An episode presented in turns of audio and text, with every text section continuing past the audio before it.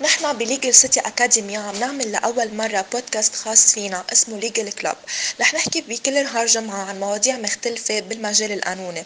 واليوم ب episode number 1 رح نحكي عن احتياجات سوق العمل بالنسبة لخريجي وطلاب الحقوق.